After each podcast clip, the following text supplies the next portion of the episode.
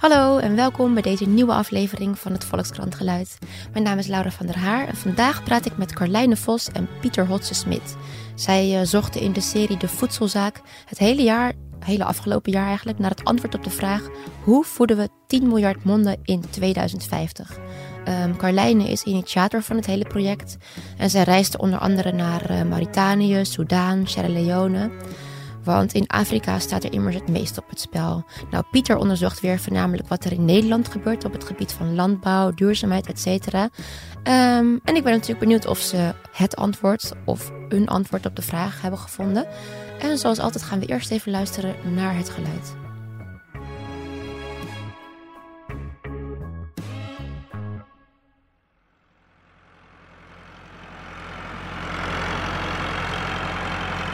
Van waar deze tractor? Ik vraag het even aan jou, Carlijne. Uh, nou, dit geluid van landbouwmachines zegt denk ik uh, wel ongeveer waar dit hele project over gegaan is. Namelijk uh, hoe Afrika zich met name moet gaan voeden in de komende jaren.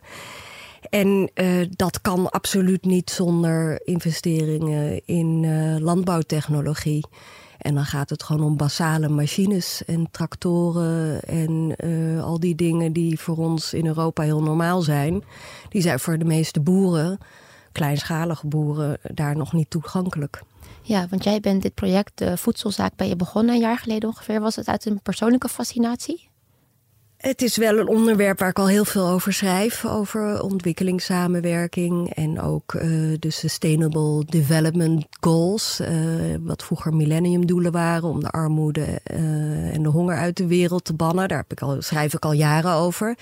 En nu ja, kwam er een gelegenheid om daar wat projectmatiger in te duiken. En toen hebben wij besloten dat voedselzekerheid toch wel het thema wordt waar we de komende decennia ons allemaal wel bezig mee zullen gaan houden, omdat de bevolking nog enorm gaat groeien. En door klimaatverandering heel veel uh, landbouwgrond dreigt te verdwijnen. En Pieter, was het voor jou ook een persoonlijke fascinatie of heeft het een persoonlijke insteek voor jou dat je hier aan mee wilde werken? Nou, voor mij, ik viel vooral met mijn neus in de boter. uh, vorig jaar januari begon ik als landbouwverslaggever bij de krant. Uh, daarvoor had ik geen portefeuille. En dat was eigenlijk het begin ook van de voedselzaak. En voor mij een enorme kans om uh, ja. ja. heel gericht verhalen te maken over de toekomst van voedsel. Wat ik uh, persoonlijk heel erg interessant vind. Um, maar ik heb dus op geen enkele manier aan de basis gestaan van dit project. Maar ik was wel ongelooflijk blij dat het er was. En nou ja, op allerlei manieren ook geprobeerd om uh, daar ja, interessante verhalen over te maken. Dus vanuit Nederlandse invalshoek van wat want jij bent meer de Nederlandse tak van, uh, van dit project? Ik heb de meeste dingen hier vanuit Nederland gedaan. Uh, ik, ben, ik zit bij de economieredactie. Uh, dus ja, wij schrijven over bedrijven en over ontwikkelingen op het gebied van landbouw. Onder meer natuurlijk. En dat is dan mijn taak. en ik ben wel specifiek steeds gaan zoeken naar bedrijven die passen in dit, in dit project. We hebben Afrika gekozen als uh, ja, zeg maar als omgeving, omdat daar de grootste bevolkingsgroei is en de grootste problemen met klimaatverandering te verwachten zijn. En ook omdat Afrika nog de meeste lege landbouwgrond heeft. Dat betekent dat de hele wereld naar Afrika kijkt. Voor, die, voor die landbouwgrond en ook voor soja om veevoer te kunnen uh, laten groeien voor de koeien en varkens in China. Dus de hele wereld kijkt naar Afrika. En daar was het voor ons een interessant uh, gebied.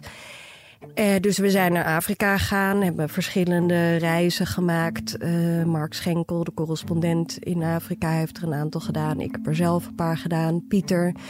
En zo hebben we gekeken van, nou ja, wat, wat gebeurt er in Afrika zelf al? Om te kijken of je die voedselzekerheid kan uh, verhogen.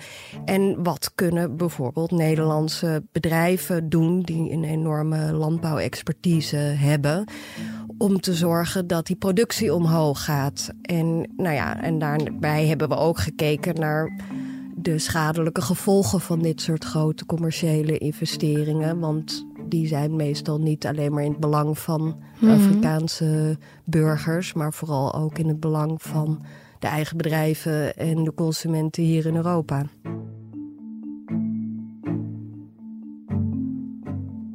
Hoe, hoe kijken de Afrikanen zelf naar die problemen? Kijk toch weer voor jou aan. Ja, ik denk dat, dat natuurlijk uh, voor. Uh, er is nog steeds heel veel armoede in Afrika. Dus heel veel uh, Afrikanen zijn vooral bezig met dagelijks hun kostje bij elkaar te scharrelen. En zich met de vraag bezig te houden hoe hun kinderen zonder honger naar bed gaan. Maar op, uh, ja, op, op hoger niveau is er absoluut een heel groot bewustzijn dat die voedselproductie omhoog moet. En vooral de afhankelijkheid van import van voedsel. Zeker omdat de bevolking in Afrika gaat verdubbelen. Betekent het dat, geloof dat ze nu voor 35 miljard eh, dollar per jaar voedsel importeren. Dat zou dan 70 miljard worden. Dat zijn krankzinnige bedragen. Mhm. Terwijl ja, de potentie er is om, om zelf uh, veel meer voedsel te kunnen produceren. Ja, en ja, het komt over als iets heel schrijnends, maar ja, maken we ons daar nou te veel zorgen over of juist te weinig? Of? Nou ja, ik denk zelf wel, dat is natuurlijk wel mijn persoonlijke mening, dat zolang wij als consumenten in het Westen ons niet bewust zijn van de schade die we aanrichten met onze eigen consumptiepatronen, uh, dat het heel moeilijk gaat worden voor Afrika om zichzelf te voeden. Want uh, er zitten heel veel hele schadelijke gevolgen aan wat wij daar doen. Daar kan Pieter misschien wat meer over vertellen. Ook wat we bijvoorbeeld zouden kunnen doen, of ik zou kunnen doen zelf, om minder schade toe te brengen. Ja, nou ja, de, ja, ik was recentelijk bij een bijeenkomst uh, van EOSTA. Die, dat is een bedrijf dat uh, voedsel, uh, ja, vooral fruit en groente importeert uit tropische landen. Um, en ik, ja, die zijn heel erg bezig met zo transparant mogelijk maken van hun keten. Dus hè, wie is de boer van wie het koopt? De boer staat altijd op de verpakking. Er staat een code bij. Waar kun je het, waar, je, nee, waar je op internet naar kunt zoeken. nou, en dan vindt wat er allemaal uh, schadelijk, wat er allemaal schadelijk is aan, het, aan de producten die normaal gesproken heel goedkoop in de winkel liggen. En waarom dit product, wat zij verkopen, dan minder schadelijk is. Dus je ziet wat die boer doet om de biodiversiteit te beschermen, de waterkwaliteit beter te maken. Ehm, ik denk dat dat het start is. Dus echt inzichtelijk maken van wat gebeurt er nou. Uh, mensen bewuster van maken uh, wat er schadelijk aan is. Ik denk dat gewoon heel veel mensen ook niet weten uh, ja, dat, waar hun product vandaan komen, hoe mhm. ver het gereisd heeft. Um, ja, en wat er allemaal uh, de gevolgen zijn als er enorm met pesticiden en dat soort dingen wordt gespoten. Veel kunstmest wordt gebruikt. nou, dat soort dingen. Dus dat is volgens mij een eerste stap. Echt inzichtelijk maken wat er, wat er nou precies allemaal gebeurt. En dat vereist dus ook wel echt een bewuste consument. Dat vereist een, zeker een bewust consument. En, en, het vereist ook een hogere prijs dan we nu betalen. Uh, ja. Nederland betaalt relatief weinig voor, voor voedsel. De Nederlander betaalt in de supermarkt vrij weinig voor voedsel. Um, en ja. Dat kun je ook niet kwalijk nemen als het er ligt. Ja, dan koop je vaak ja. uh, iets goedkoper. Ja, je ziet dus, en dat is, de, dat is volgens mij ook het paradoxale daaraan. En Carlijne zei net al van Afrika moet een, uh, in Afrika is een stap nodig naar nou ja, uh, efficiëntere manier van produceren. Alleen de doorgeslagen variant daarvan zien we bijvoorbeeld in Nederland, waarin wij juist nou ja, voor de, de, nou, de wereld voeden, zoals men dan zegt. En nou ja, hier heeft, ik denk, drie kwart van de Nederlandse natuurgebieden te kampen met te veel stikstof, omdat wij te veel vee hebben. Ehm, nou, ingewikkeld verhaal, maar dat, dat is dus de andere kant. Hè? Dus hier mag het allemaal wel iets minder. Mm en je ziet dus dat, uh, en wat dus ook weer ruimte biedt op de wereldmarkt, bijvoorbeeld om in Afrika gewoon zelf hun dingen te gaan doen. Mm ja, het is natuurlijk best wel bijzonder dat wij, of best wel gek eigenlijk, dat wij hier uh, dat onze melkprijs afhankelijk is van uh, de prijs die ze in China willen betalen voor, voor melk die daar, die daar in poedervorm uh, in babyvoeding terechtkomt. Zo Omdat ze hun eigen markt niet vertrouwen ja. of om wat voor reden dan ook. En ook die stromingen. Ik heb het dus allemaal, ik heb heel veel stukken achter elkaar gelezen. En ik werd er best wel mismoedig van. Of vrij sip eigenlijk. Ten eerste omdat we alles leegroven. En dat we die boeren dumpen met lage prijzen. En dat die koffieboer zelf niet eens een kopje koffie kan betalen. Ja. Maar ook dat rare idee dat we bijvoorbeeld uien uit Nederland. Die worden allemaal geëxporteerd. En dan wordt dat weer geïmporteerd. En dan gaat dat weer naar China. En ja, ik had gewoon een hele lange zucht eigenlijk. Hebben jullie, zijn jullie er niet, niet verdrietig van geworden? Nou kijk ik even naar Carlijne weer. Nee, ja. Uh, ik, ik, ben niet zo snel verdrietig. Maar uh, ik denk dat, dat het. Ja, nee, het is een enorme uitdaging om te zien waar, uh, ja, waar verbeteringen zijn te, te, te, vinden. En dat zit hem inderdaad bij natuurlijk uh, consumentenbewustzijn. dat sprak natuurlijk heel mooi uit dat verhaal van Pieter over de koffie uit Rwanda.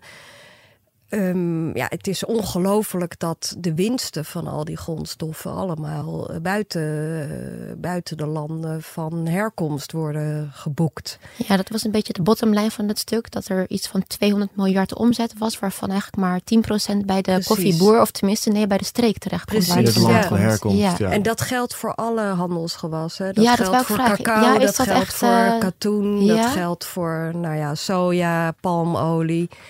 Uh, de winsten worden altijd buiten die landen gemaakt. En um, daardoor profiteren. Dus, nou ja, we hebben het nu over Afrika, maar het geldt net zo goed voor uh, Suriname, of Sumatra of Borneo, mm. waar alle palmolie vandaan komt. Ja, de mensen zelf profiteren er niet van. En uh, ja, daar valt natuurlijk toch wel echt iets te winnen in consumentenbewustzijn. En je mag hopen dat, uh, ja, dat er toch op den duur een besef ontstaat dat ook de grote westerse ja, multinationals die ruimte moeten bieden voor uh, die landen om zelf hun product, producten te kunnen verwerken. Want dat is eigenlijk wat nodig is. Zie je daar de ruimte?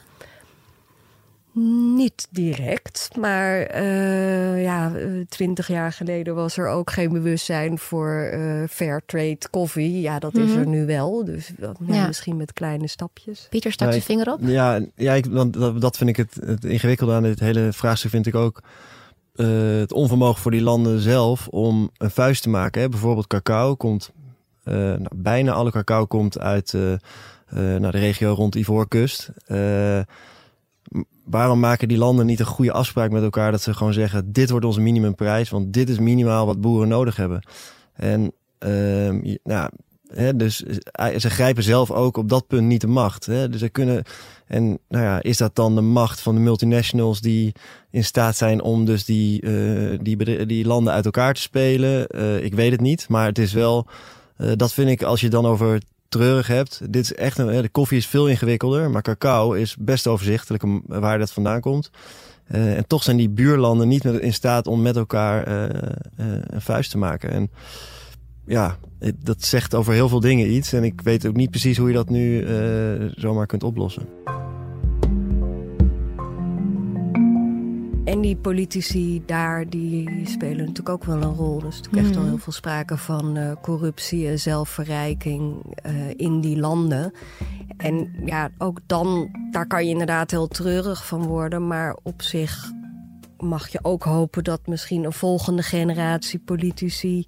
Hè, van jongeren die nu opgroeien in die landen... die ook uh, ja, transparantie van, en, en, en goed bestuur eisen ja, dat, dat wellicht toch een volgende generatie uh, sneller wordt afgerekend op dat soort schaamteloze zelfverrijking die ja. vaak plaatsvindt. Ja, om laten we het iets optimistischer houden. Zijn er ook mooie initiatieven, bijvoorbeeld hier in Nederland, waar landen in Afrika iets mee zouden kunnen? Nou, ik was zelf best onder indruk van de Nederlandse zadenveredelaars. Dus dat zijn de bedrijven die hier uh, ja, plantensoorten met elkaar kruisen en uh, of gewassen met elkaar kruisen om sterker gewassen te maken. Uh, uh, Rijkswaan, BO, zaden en dat soort bedrijven. Die, Sorry, wat voor zaden? dus zaden voor gewassen. Hè? Dus bijvoorbeeld de spinazie. Ja, de, de, bedrijven die dat doen. Ik noemde de bedrijven oh, die dat doen, maar goed, ik was oh, daar. Ja. En die hebben gewoon in, die hebben gewoon een gigantisch laboratorium waarbij ze uh, allerlei testen doen van, van de bodem verwarmen tot 35 graden, zoals het in, op bepaalde plekken in Afrika is. En dan kijken welke van de 100 plantjes die ze daarin hebben gezet, uh, bijvoorbeeld uh, spinazie of wat dan ook, die, nou ik denk niet op 35 graden spinazie, maar ze testen daar dus gewoon de, welke gewassen het beter doen in Afrika. En de beste, die kruisen ze weer met elkaar, enzovoort, enzovoort. En dat zijn jaren projecten. Ik geloof dat het gemiddeld zes jaar duurt voordat je een nieuwe, echt een nieuwe soort hebt die. Uh, oh ja. Ja, dus uh, en zij. Uh, dat is dan de ultieme soort voor die streek bijvoorbeeld. Ja, en de een van die bedrijven heeft nu ook in Tanzania echt een zo'n laboratorium waar ze het ook echt daar ter plekke doen. Dus met, met welk doel eigenlijk? Met gewassen, bestendige gewassen maken voor de ingewikkelde bodemstructuur in Sub-Sahara-Afrika bijvoorbeeld. Hè, waar, op plekken waar nou, gewassen het niet goed doen. Ehm, nou, toch kijken hoe je die gewassen kunt verbeteren, zodat ze het wel doen. En het is allemaal op een natuurlijke manier. Ze versnellen eigenlijk uh, hoe, de, hoe de natuur het in over honderden jaren zou doen, doen zij dan in een paar jaar. Ehm, dat vond ik heel erg mooi. En ook omdat zij dat specifiek met gewassen doen. Uh, die in die, diezelfde regio's in Afrika ook echt gegeten worden. Hè? Het is niet zo van. We dringen op dat we nu. ja, jullie zullen nu echt boerenkool moeten gaan eten, want wij, hebben, wij hebben nu toch iets uitgevonden. Nee, ze doen het dus echt met... Uh, uh, maissoorten. lokale maissoorten die ze daar ook echt eten. Die daar echt al op het menu staan en die verbeteren. Zodat oogsten uh, nou, betere opbrengsten geven. En het is gewoon vanuit loyaliteit? Zeker nee. Zeker niet. Nee. En ik denk ook eigenlijk iedereen die ik heb gesproken... Uh, zegt uh, projecten vanuit loyaliteit of vanuit, uh, ja, ja, vanuit goede bedoelingen, maar zonder winstoogmerk, zonder dat een bedrijf daar zelfs, zelf van kan leven is zijn gedoemd te mislukken. Omdat, het, omdat er altijd een, bij, nou, bij als zo'n bedrijf het even, even, wat minder goed gaat, is er heel makkelijke reden om eruit te stappen. Dus ik denk ook wel dat, ja, dat, dat in deze wereld wel ook op die manier moet. Uh, mm -hmm. Je zult wel, ja, die bedrijven die, die moeten gewoon een verdienmodel zien. En het is heel fijn dat, dat als dat op zo'n manier wordt gedaan, dat, dat, het ook aansluit bij wat, ja. wat de mensen daar willen. En dat, ja, dat is dus met de mensen samenwerken en heel veel praten en heel veel uh, minder uitleggen. Maar pas gaan uitleggen als je ook echt uh, zeker weet dat dat is wat zij willen. En uh, dat gaat dus niet alleen over die zaden, maar bijvoorbeeld ook niet zomaar je, je akker blank zetten met water, maar veel gerichter water gaan geven. Ja, dat zijn van die dingen die hier heel normaal zijn, mm. maar en ook van elkaar leren. Dus want in een van de stukken las ik ook dat er dus met de beste bedoelingen van die irrigatiesystemen werden aangelegd. die eigenlijk compleet geen zin bleken te hebben. Achteraf. Weet niet, was dat een verhaal van jou? Weet ik nu even niet zoveel... meer. Maar ja, het is precies wat Pieter zegt. Daar geloof ik ook in. Van, je, je moet inderdaad wel een belang hebben. En je, je merkt ook wel dat ja, veel ontwikkelingsprojecten om die reden vaak ook niet zijn aangeslagen. Want ja, dan kwam er een clubje met wat gratis zaden. En ja, zodra die club met die gratis zaden weer vertrokken is, um, gaat iedereen weer terug naar de oude manier van uh, landbouw. Terwijl als je inderdaad zorgt, en daar hebben we wel goede voorbeelden van gezien. Overigens ook met die uien uh, waar je het net over had in Senegal. Als je boeren dat? maar bewust maakt van deze kwaliteit die, die brengt jou uh, meer op. En als je het nou op die en die manier behandelt, dan uh, gaat je productie omhoog. Dan is er een gemeenschappelijk besef van dat iedereen er beter van wordt. Mm. En ik denk dat daar nog wel veel te winnen is. En ik ben ook wel positief dat ik het gevoel heb dat bedrijven ook beter snappen dat dat een duurzame manier van ondernemen is. Meer dan bijvoorbeeld een verhaal wat we ook uh, uh, gehad hebben in Sierra Leone over een biobrandstofbedrijf. Ja, wat volgens een heel koloniaal model daar alle boeren van hun land wegstuurde om er op grote schaal suikerriet te gaan verbouwen. Dat, project is helemaal uh, mislukt. En ja, de, de beste bedoeling was dan, nou ja, dat die mensen werk zouden krijgen, wat ze uiteindelijk ook niet hebben gekregen. Maar ja, het is, er zit geen wederkerend belang in. En ja, dan is het eigenlijk volgens mij per definitie. Nou ja, het, het, kan wel lukken, maar dan zijn er zeker verliezers. En die zitten meestal in Afrika en niet hier. Heb je een voorbeeld van wat goed is gegaan? Nou ja, die dingen wat, wat uh, Pieter ook noemt. Uh, eh, DSM die daar op die manier probeert nou ja, een soort bewustzijn te creëren. Ook bij boeren om uh, een bepaalde maissoort, meen ja. me te herinneren. Nou ja, dus de DSM heeft... ik ben één keer naar Rwanda geweest voor dat koffieverhaal. dat was eigenlijk een um, bijvangst voor een verhaal over DSM. Die, oh, een fabriek, ja, die heeft een fabriek gebouwd in uh, Kigali, en uh, de hoofdstad van Rwanda. En daar hebben zij, uh, um, daar maken zij babypap. eh, van lokale mais. Dus ze werken samen met honderden boeren, eh, kopen hun mais in en eh, maken eh, daar pap van voor baby's, eh, maar ook voor de moeder als hij zwanger is. Met, en daar voegen ze eh, bouwstof aan toe. Mhm. Want een groot probleem in Afrika is dat, eh, ehm, ja, dat, de, de, dat de kinderen groeiachterstanden oplopen door eenzijdige voeding. Nou, dat is volgens mij in een derde van de kinderen heeft, heeft dat eh, ja. in, gemiddeld in Afrika. Ehm, en zij hebben ehm, nou ja, mede in samenwerking met de overheid van Rwanda die fabriek daar neergezet. Ehm, ja, en dat was een hele grote investering, maar het is eh, wel ook een voorbeeld van eh, nou ja, een bedrijf dat durft eh, die investering te doen. Ehm, en nou ja, volgens mij wel een van de projecten waarvan, het, nou ja, nog maar zeer, waarvan ik in ieder geval zeer de vraag had of het ook echt gaat lukken. Ondanks de beste bedoelingen en ondanks dat ze ook echt met een winstoogmerk daar zijn. Maar je ziet dat die fabriek nu voor 90% draait voor voedselhulp voor de Verenigde Naties. Dus die pap gaat nu Oh ja? gewoon naar Zuid-Soedan. Oh, maar wat Ehm, leuk om te zien. Jij bent er dus vanaf het begin bij geweest eigenlijk.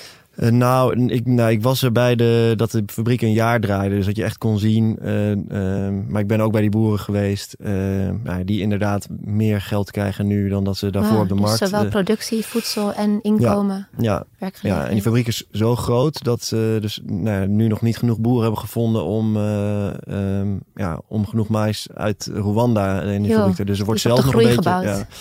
Ja, ja, en dat is voor die boeren die er nu bij zitten natuurlijk heel fijn, omdat ze gewoon een afnamegarantie hebben. Dus ze weten gewoon zeker dat ze alles wat ze oogsten kwijt kunnen. Mhm. Ze worden begeleid om hun oogsten ook te verbeteren. Dus ja, maar goed, eh, uiteindelijk wil dat bedrijf daar, wil die fabriek daar echt blijven, denk ik. Zullen ze een, eh, hun commerciële product, wat in de supermarkt staat daar, en wat nu nog niet echt verkoopt. Althans, toen ik er was, ik weet nu niet. Wanneer was dat? Vor, eh, vorig jaar mei. Ja. Volgens mij, ja. En ehm, ja, de- daar zie je dus wel ook hoe ingewikkeld het is hè, om, eh, nou ja, dus om, om daar eh, nou, toch met beperkte eh, middelen en infrastructuur iets goeds te doen. Dus van lokale boeren kopen. ehm, een product wat echt gezond is en belangrijk is voor dat land. Om dat ook echt aan de man te krijgen. Dat is toch heel Mhm. erg lastig. Ja, en om het op de goede manier te doen, in het stuk ook, toevallig weer dat koffiestuk. Maar daar stond ook dat eh, bijvoorbeeld Fairtrade koffie eigenlijk niet eens zo heel veel uitmaakt voor de boer daar. Het maakt wel uit. Ehm, ik, ja, het, het risico van hoe het nu in de krant stond, eh, eh, is dat mensen nu denken: ik kan net zo goed de goedkoopste koffie kopen. En dat ja, dat was wel mijn idee Ja. een klein beetje toen ik het Ja. las. Dacht, oh shit. Nee, wat, wat, ja, wat in het stuk staat, is dat, ehm dat Fairtrade eigenlijk ook alleen maar de kosten van de boer eh, dekt. Oh ja, dus de boer maakt dan nog eigenlijk geen winst. dus het is van Eh, twee kwaden de minste. Ja, en, ehm, en het verhaal wat ik heb gemaakt is, de- de- is een voorbeeld van iemand die dus eh, toch nog iets meer betaalt. Eh, en dat hebben we nou, helemaal uitgerekend. Eh, hij heeft nou, heeft inzicht gegeven in zijn financiële. Eh, eh, Dit gaat boekje. over een Nederlands bedrijf, toch? Ne- ja, een eh, Nederlandse importeur van koffie uit eh, nou, diverse Afrikaanse landen. En dit is dan een voorbeeld waarbij het weer helemaal transparant is gemaakt. En ehm, nou, eh, zij ook laten zien wat het nou eigenlijk kost om koffie daar van het land te halen, helemaal te verwerken, zodat het naar, naar, naar hier verscheept kan worden. Hier wordt het dan gebrand eh, en vervolgens eh, verkocht.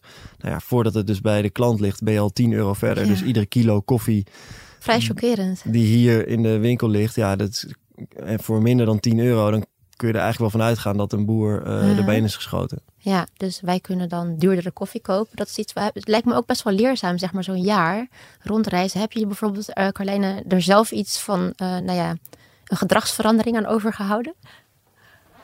Mm, ja, nou, ik ben bang dat ik net als de gemiddelde consument eh, ook gewoon mijn dagelijks leven weer oppak. Ja. Maar ehm, ik, ik probeer in de supermarkt er wel op te letten eh, ja, dat ik geen eh ja, spersieboontjes koop die in Kenia worden gedopt en weer teruggevlogen worden. En ik heb ook zo wel wat vruchten waarvan ik denk, moet ik die nu per se eh, eten? Ik probeer er wel over na te denken dat ik, ja, dat ik geen onzin eh, productieketens in stand. Ja. Dat, eh, ik bedoel, ik zou er wel liefhebber van of voorstander van zijn om inderdaad wat meer te eten wat in de buurt komt en, en bij het seizoen hoort. Mhm. En jij hebt dus heel veel door Afrika gereisd de afgelopen tijd. Wat staat je het meest bij? Wat heeft veel indruk op je gemaakt van de verhalen die je schreef? Nou ja, wat ik in het begin ook even zei, van ik denk dat het, dat het heel belangrijk is dat om je te realiseren dat er heel veel mechanismen zijn eh, waar je niet aan denkt op het moment dat je als multinational of als ontwikkelingshulporganisatie met een heel goed plan en, en de beste bedoelingen ergens eh, aankomt. Ja, dat er zoveel andere belangen Mhm. meespelen. En ja, het meest schrijnend vond ik dat toch wel eh, bij mijn laatste reis naar Senegal en Mauritanië. Dat ging over visserij. En eh, nou, om een heel lang verhaal kort te maken, komt het erop neer dat die oceaan daar wordt overbevist. Eh, op het moment trouwens vooral door Chinese vissers, die het ook nog eens gebruiken voor vismeel, waar ze hun eigen dieren mee voeden. Dus het gaat ook Gewoon eetbare vis. eetbare vis die eigenlijk voor Afrikanen eh, heel noodzakelijk Die gaat is. dus met eh, miljarden tegelijk die gaat met China. miljarden tegelijk als poeder naar China. Dat is sowieso al een heel treurig gegeven. Dus dan ga je toch wel weer over nadenken waarom we ook weer zoveel vlees eten. Eh, maar wat ik ook heel schrijnend vond van ja, ondanks dat de Europese Unie enorm bezig is met eh, nou ja, verantwoordelijk ondernemerschap, et cetera. Dat ze toch niet bij machten zijn om eh, hun eigen contacten goed uit te onderhandelen omdat er ook andere belangen zijn, namelijk in bleek eh, migratie. Dus Mauritanië blijkt een heel belangrijk land te zijn om migranten uit West-Afrika tegen te houden, die op het idee zouden kunnen komen om op een bootje naar de Canarische eilanden te stappen. Dus dan wordt er een oogje dichtgeknepen eh voor die overbevissing Door de EU. door de EU om migranten tegen te houden. Terwijl, als je nog even doordenkt, die overbevissing nou juist leidt tot die migratie. Dus Ja, dat bedoelde ik net met ben een beetje mismoedig beetje van worden, mismoedig ja. van, ja. En ook het idee dat op zich het is een eh, goed idee om die overbevissing tegen te gaan. Dat er dan zo'n wet komt en dat de. Europeanen zich terugtrekken. Ja, dan komt China eraan en Precies. Turkije. En zo denk ik, Ja. maar dan is er toch altijd weer een gat waar iemand anders inspringt en komt het nooit goed. Ja, nou ja, en je zei het al eerder, van het is ook vaak niet echt iemands schuld. Hè? Ik bedoel, de EU doet zijn best en Ja. heel veel bedrijven doen hun best. En Ja, zelfs die Chinezen, die en hebben die Chinezen, ja, die hebben ook, weer maar eigen hun belang. eh, bevolking te voeden. Dat is volgens mij een Ehm, beetje het steekwoord, eigen belang. Dat kwam ook een aantal Ja. keer terug. Maar ja, ja, ja, je kunt niemand voor gek verklaren omdat hij voor zichzelf iets doet natuurlijk. Maar Ja, dan zou er bijna een soort globale overheid moeten zijn of zo die dit in de gaten houdt? Of hoe? Nou ja, goed, kijk, als iedereen er maar een beetje over nadenkt eh, dat er meer belangen zijn dan zijn eigen belang, dan kan je je ook zelf voorst- voorstellen hoe dingen werken. Ja, en dan nog, ja, zullen mensen dan bereid zijn uiteindelijk om eh, wel die, eh, wat is het, ook alweer 19 euro voor een kilo koffie te betalen? Of, of... Nou ja, misschien moet je inderdaad op een gegeven moment, eh, nou Als ja, er ook wat Pieter naast- zegt, hè, aanmoedigen dat landen gewoon minimumprijzen afspreken. Of dat ja, supermarktketens gedwongen worden om eh, ja, toch boven een bepaalde kostprijs eh, producten aan te bieden. Ja, dat je misschien toch er uiteindelijk niet aan ontkomt om dat met iets meer wetgeving in goede banen te leiden. Mhm. Dat zou kunnen. En ik, ik denk ook, hè, we hadden net over die 200 miljard die omgaat in koffie wereldwijd, waarvan maar 10% daar blijft. Ehm, Kan het? Ja, maar de- ik weet ook dat de initiatieven om bijvoorbeeld de koffie daar te branden, hè, dat is natuurlijk een proces waarbij, eh, nou, dat is technologisch, eh, wat hoger technologisch dan koffie plukken, eh, wat andere soort banen oplevert. Maar de initiatieven die daar zijn, eh, er, zijn, er zijn wel westerse bedrijven die dat doen, of hebben geprobeerd of proberen. Maar die merken toch ook hoe ingewikkeld het is eh, om, eh, om daar eh, nou, met dezelfde standaarden als die we hier hebben, een hele dure fabriek neer te zetten. Mhm. En vervolgens moeten de aandeelhouders ook tevreden gehouden worden. Die beginnen ook een beetje te morren. En eh, ehm, nou, in die zin, het, het zijn best wel grote stappen om, hè, om echt iets te veranderen aan de scheve verhoudingen die er nu in die keten zijn. En dat zag ik dus ook bij DSM, die dat, die papfabriek heeft neergezet. Ja, het is gewoon echt heel moedig dat ze dat doen, denk ik. Eh, ehm, en ja, het is ook gewoon hopen dat het lukt uh, uiteindelijk. Maar ja, uh, iedere keer, en hetzelfde als met die landen die onderling geen afspraken kunnen maken over een minimumprijs voor cacao. Ja, dat soort uh, ja, bij de verhalen die we hebben gemaakt, kom je dat toch vaak tegen. we proberen het wel, maar mm ja, het is toch, toch lastiger dan gedacht. Ja, hebben jullie met het project, dus met de voedselzaak zelf, dat loopt nu op zijn eind na een jaar, hebben jullie zelf iets teweeg gebracht, denk je? Behalve bewustzijn voor ja, de lezer? Nou, ik denk dat het heel erg leuk is dat um, die voedselzaak site zo is vormgegeven. Hè, dat het heel erg gericht mhm. is op con consumenten door hè, de hele vormgeving van uh, supermarktaanbiedingen en winkelmandjes. Mm En als je zelf aan de knoppen mag zitten? Nou, ik, ik, ik denk dat dat wel heel leuk is. Dat, uh, dat er een discussie op gang is gebracht. En dat uh, overigens gaat alle lof daarvoor naar uh, Stan Putman, onze collega die dat allemaal heeft gecoördineerd. Ja, waardoor er een, toch wel een, een interessant debat is losgekomen over nou ja, de aanpak. En dat gaat dan inderdaad. Kijk, we hebben het nu heel erg over die voedselketens omdat dat uh, toevallig uh, heel erg in ons werk zit. Maar ja, er is natuurlijk ook een heel debat gaande over meer technologische oplossingen, gentechnologie, uh, of juist helemaal weg van mm -hmm. Min, de Wageningen ja. uh, expertise, maar helemaal terug naar biologisch, ecologisch en zelfvoorzienend. Nou, ik denk dat ja, dat zijn allemaal waardevolle meningen en, en, ja, daar heb je zelfs zich, uh...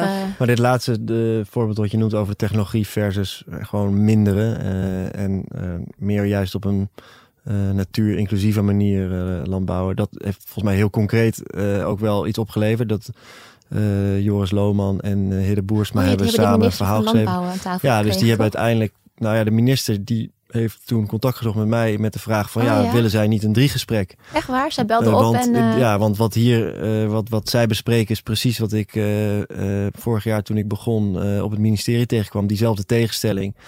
oh, wow. Ja, dus ja, dat is een heel concreet voorbeeld van... Wat dacht je toen, toen zij belde? Nou, het was niet de minister zelf hoor. Het was wel de woordvoerder. Maar, uh, ja, nou en. nee, maar het was wel... Uh, nou, ik vond, ik, ik, ik vond het wel heel erg leuk. Omdat ja. het... Uh, ja, dus kennelijk op, uh, heeft de voedselzaak op dat punt een snaar geraakt op het, tot op het hoogste niveau. Ja, en, dat is echt uh, de vruchten, ja, de spreekwoordelijke Ja, en toevallig had ik vandaag nog contact met Joris Lohman. En die zegt dat zij nog steeds met z'n tweeën on tour zijn. Ze hebben TED-talk gehad en... Uh, om te praten over die verschillen tussen de technologie en. Uh, oh, wow. En, die heeft echt vleugels gekregen. Die heeft echt vleugels gekregen. En um, ja, dat gaat nog steeds door. Dus ze zijn nog steeds met een groot project bezig om zeg maar de enorme zwart-wit tegenstelling op landbouwvisies. ja, dat geldt natuurlijk niet alleen voor Nederland, maar dat zou kunnen worden uitgebreid naar de rest van de wereld, neem ik aan. Nou, dit is een internationale discussie, die, maar die heel relevant is voor Nederland, omdat wij, nou, waar ik het eerder ook over had, omdat wij hier zo'n klein land zijn met zo'n gigantisch grote landbouw. Uh, uh, ja, grote landbouw. Mm -hmm. Veel dieren op een heel klein grondoppervlak. ja, en hoog technologisch in onze kassen, maar mm -hmm. ook in de stallen. Um, ja, dus op ja, meer dan waar ook speelt die discussie. En het is heel leuk dat dat dus ook uh, dat die discussie nu mede door de voedselzaak uh, ja, op uh, ja, ja, meer plekken wordt ge gevoerd ja. dan daarvoor. En als laatste even de hamvraag. de premisse was volgens mij een beetje hoe gaan we in 2050 10 miljard mensen voeden? Is er een antwoord? Nou, ik denk dat, dat er heel veel lessen te leren zijn van hoe het niet moet. En uh, hè, dus er valt absoluut wat te verbeteren in die productieketen, waar we het nu net natuurlijk over hebben gehad. En inderdaad, uh, ja, die, die, die balans tussen minder van alles, maar ook de inzet van hoog uh, technologische oplossingen. Mm -hmm ja, dat, soort combinatie. Daar, moet, daar moet gewoon een goede balans in worden ja. gevonden. En ik denk dat ja, het is een vreselijke term, maar dat uh, onze koningin, uh, die uh, is daar de woordvoerder van, inclusiviteit. Hmm, ik was heel benieuwd wat zou komen. Ehm, al die ontwikkelingen en, die moet gewoon inclusiever worden. Mm-hmm. dus, dus het is niet, je kunt niet zeggen kweekvlees is de oplossing of die fotosynthese of zo. Of... Nee, ja, dat is misschien hier een oplossing, maar niet ergens ver weg in Mozambique. Um, dus je moet toch natuurlijk op meerdere terreinen moet iedereen gewoon voor zijn eigen voedsel uh, zorgen. Alleen moet je proberen elkaar daar in ieder geval niet bij in de weg te lopen. Mm. En te leren van, uh, van, van anderen. En ik bedoel, Nederland heeft natuurlijk absoluut een heleboel expertise. Waar nog heel veel landen uh, wat aan kunnen hebben. Alleen je moet ook leren van uh, de fouten die zijn gemaakt. Dus de intensieve veeteelt, ja, dat wil je, het model wil je niet nee. uh, implanteren nee. uh, in een mm. ander land. Nou ja, bijvoorbeeld, onze landbouw is heel groot geworden mede door kunstmest. Ehm, maar ja, dan, nu is de grote vraag, ja, dat zou een gigantisch goede oplossing zijn voor voor heel veel delen van Afrika. Alleen Waar ga je dat doen? Dat, ja. Wij willen minderen. Uh, maar ga je dan dat als oplossing kiezen voor Afrika? Of ga, doe je daar uh, in één keer goed? Uh, Ja. hè, van, want wij zijn op, tot op zekere hoogte ook aan het terugkrabbelen van het gebruik ervan. Um, ja, dus dat zijn wel, uh, dat, is het dat blijft gewoon het ingewikkelde. Ja, en kan dat ook in één keer doorstoten naar het eindresultaat? Of dat, Ja, eh, er is ook geen model wat overal op past natuurlijk. Hè. Ik bedoel, elk land is anders. Elk land heeft ook zijn, andere, zijn eigen voedselpatronen. Dat is Mhm. ook iets wat in het verleden heel vaak uh, hè, natuurlijk heel paternalistisch bedacht is. Van, uh, Ja. nou, wat jij al zei, gij zult voortaan uh, bloemkool eten. Ja, dat werkt niet. Je moet natuurlijk, ik bedoel, oplossingen moeten natuurlijk wel vooral vanuit landen en mensen Mhm. zelf komen. En idealiter sluit daar uh, de expertise die er elders in de wereld is bij op aan.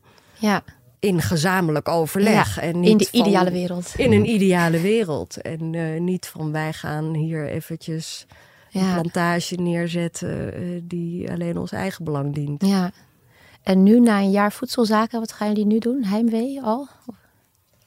Nou, wij gaan gewoon door met wat we altijd doen. Dus uh, ik ga gewoon door met uh, buitenlandverslaggeving, met de focus op Afrika. En, uh, En met Pieter? landbouw. Ja, ik ben landbouw, ja. Maar ik denk wel dat um, nou, dit, de voedselzaak op een heel goed moment kwam, omdat die discussie natuurlijk al wel gevoerd werd. Maar nou ja, voor ons is het volgens mij alleen maar een fijne houvast om. Mhm. Misschien dit hem soort zelfs gaan. aangezwengeld. Ja, wie weet. In ieder geval, uh, ja, het, het gaat over uh, 10 miljard mon in 2050. Nou, daar zijn we voorlopig nog niet. Dus tot die tijd uh, kunnen we ook gewoon over dit onderwerp doorgaan. En nou ja, dat is nu gewoon fantastisch op de kaart gezet. Ja. Door dit project op deze manier uh, ja, vorm te geven. ja, nou heel erg bedankt voor jullie komst en voor het project vooral natuurlijk. Nou, Hartstikke graag gedaan. Graag gedaan. Dank je.